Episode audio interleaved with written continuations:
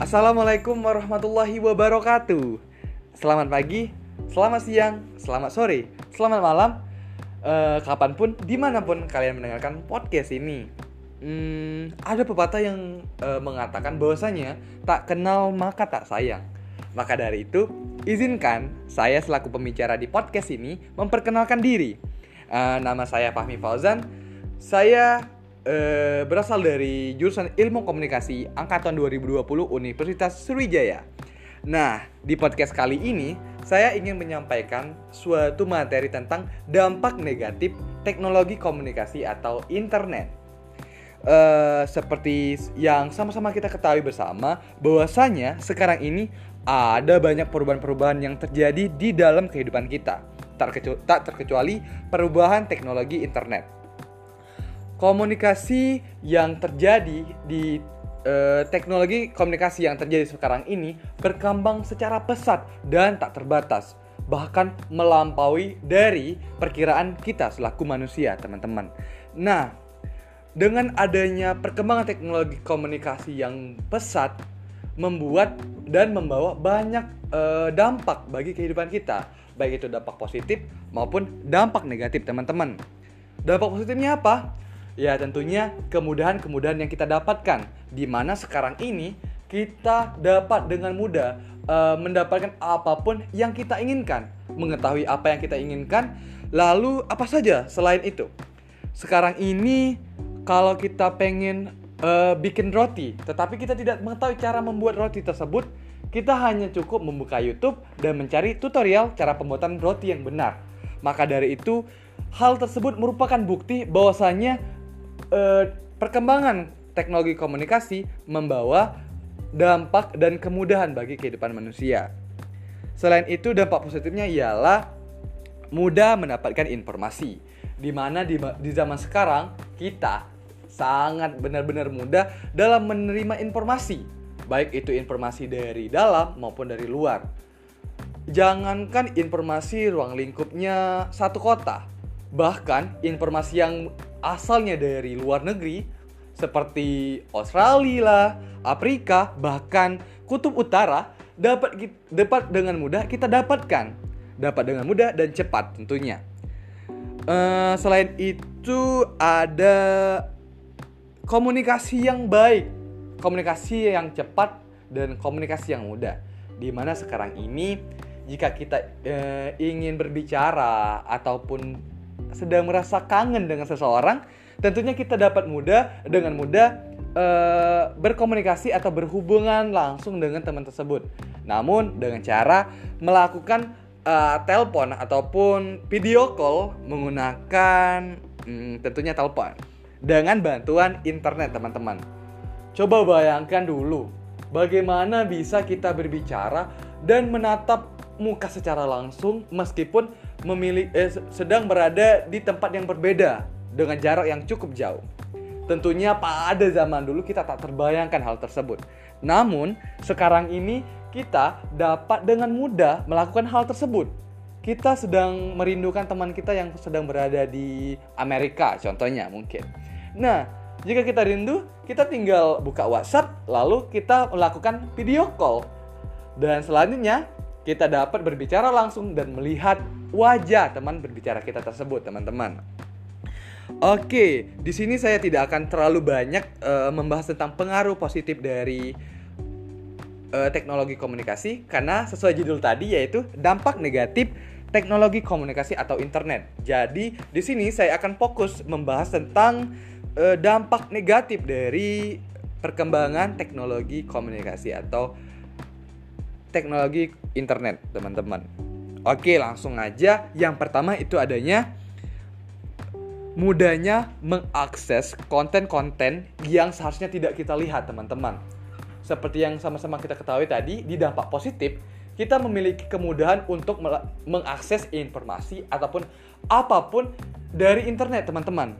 Nah, namun karena adanya kemudahan tadi, kemudahan tadi secara tidak langsung membuat kita lebih mudah tersesat, membuat kita lebih mudah hilap maksudnya, di mana ada banyak konten-konten seperti konten dewasa, pornografi, kekerasan yang mudah yang dapat diakses secara mudah di internet, teman-teman. Hal ini membawa pengaruh buruk bagi kehidupan kita di mana ada banyak anak-anak di bawah umur sekarang ini sudah uh, bahkan sudah sering menonton konten-konten pornografi dan kekerasan. Hal ini ditakutkan dapat memberikan dampak buruk bagi kehidupan anak-anak di mana seharusnya anak-anak belum mengetahui dan tidak boleh sama sekali menonton hal-hal yang berbau pornografi dan kekerasan teman-teman. Contoh lain ia contoh lain dari dampak negatif teknologi internet ialah hilangnya kebudayaan teman-teman. Dewasa ini sudah sulit untuk kita menemukan anak-anak eh, melakukan ataupun bermain uh, permainan tradisional di mana kalau pada zaman kita dulu biasanya untuk mengisi hari-hari kita, mengisi hari liburan atau sepulang sekolah, kita bermain ke lapangan, main layangan, kelereng, petak umpet, uh, terus apa lagi? Uh, yeye atau permainan lompat lompat tali. Nah, biasanya kita dulu permainan itu kita sering kita mainkan. Tapi di zaman sekarang, di zaman yang serba maju seperti sekarang ini, uh, sudah jarang untuk menemukan permainan-permainan tradisional untuk yang dimainkan oleh anak-anak tersebut, teman-teman. Di mana anak-anak sekarang lebih memilih, lebih suka dan lebih tertarik untuk memainkan permainan-permainan yang ada di mobile phone mereka masing-masing, teman-teman. Ada game online, ada lagi mungkin mereka lebih suka main buka Instagram, buka YouTube, nonton Baby Doni atau apalah. Nah, teman-teman, hal ini berpengaruh buruk bagi kelestarian kebudayaan kita teman-teman di mana eh, dengan adanya budaya baru di mana anak-anak lebih suka ataupun kita sebagai itu masyarakat dewasa lebih suka dan lebih tertarik bermain media sosial, game online melalui mobile phone kita masing-masing membuat uh, budaya-budaya uh, lokal kita mulai terlengser oleh budaya-budaya internasional teman-teman. Hal inilah salah bentuk dari salah satu dampak negatif dari teknologi komunikasi teman-teman. Selanjutnya dampak negatif yang lain ada mudahnya tersebar berita-berita bohong atau hoax di mana sekarang ini siapa pun dapat membuat berita-berita bohong. Apalagi di zaman COVID-19 seperti ini ada banyak berita uh, siang siur di mana mengatakan tentang inilah itulah yang kebenarannya belum tentu belum dapat uh, dikatakan sebagai hal-hal yang benar.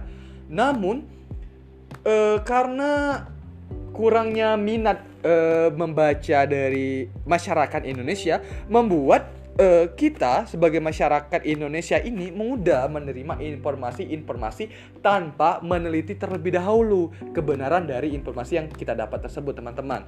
Hal ini berpengaruh buruk bagi uh, kepercayaan di di dalam masyarakat, di mana dengan adanya uh, penyebaran berita bohong ini membawa dampak banyak dampak buruk bagi kehidupan kita.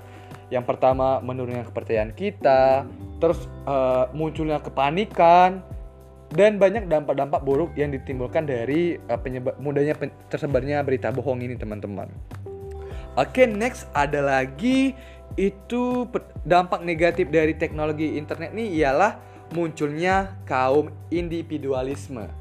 Di mana kalau kalau anak-anak uh, zaman sekarang sih sering nyebutnya no life, ya, no life atau tidak ada kehidupan di mana mereka uh, mengurung diri atau memberikan batasan dengan dunia luar dan sibuk dengan dunianya masing-masing teman-teman.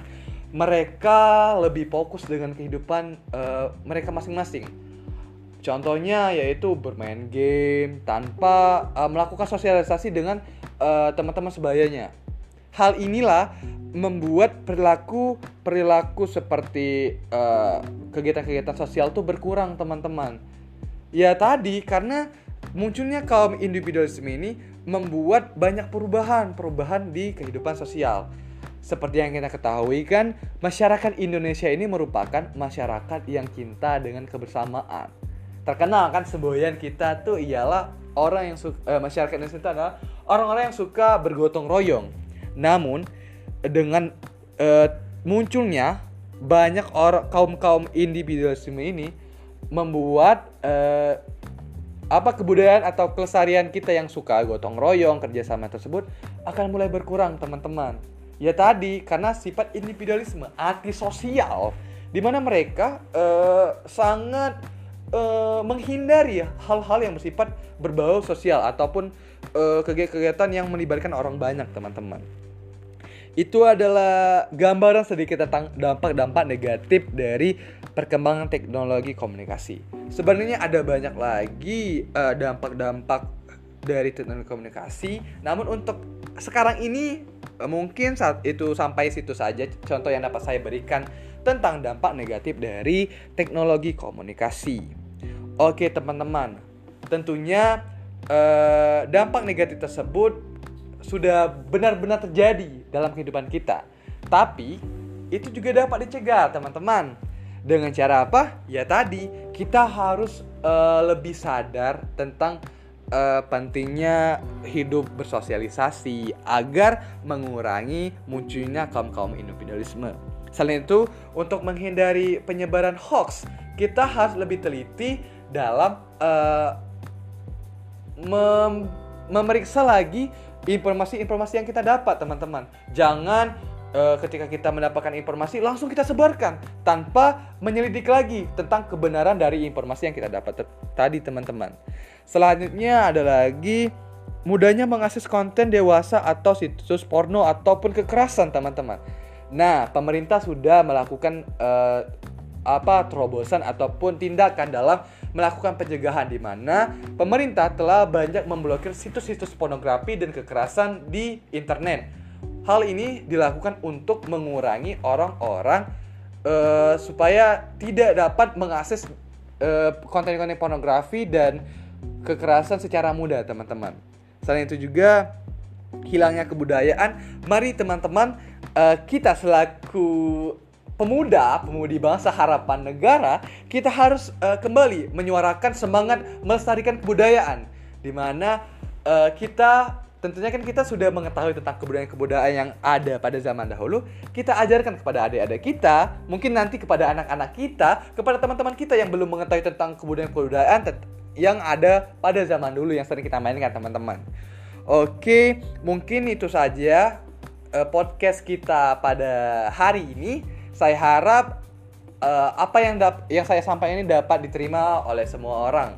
Terkhusus kepada yang terhormat Ibu Miftah selaku dosen pengampu mata pelajaran komunikasi eh, teknologi komunikasi ini. Uh, itu saja yang dapat saya sampaikan. Lebih kurang saya mohon maaf kepada Allah saya memohon ampun. Saya akhiri. Wassalamualaikum warahmatullahi wabarakatuh. Selamat pagi, selamat siang, selamat sore, selamat malam. See you, sampai jumpa lagi.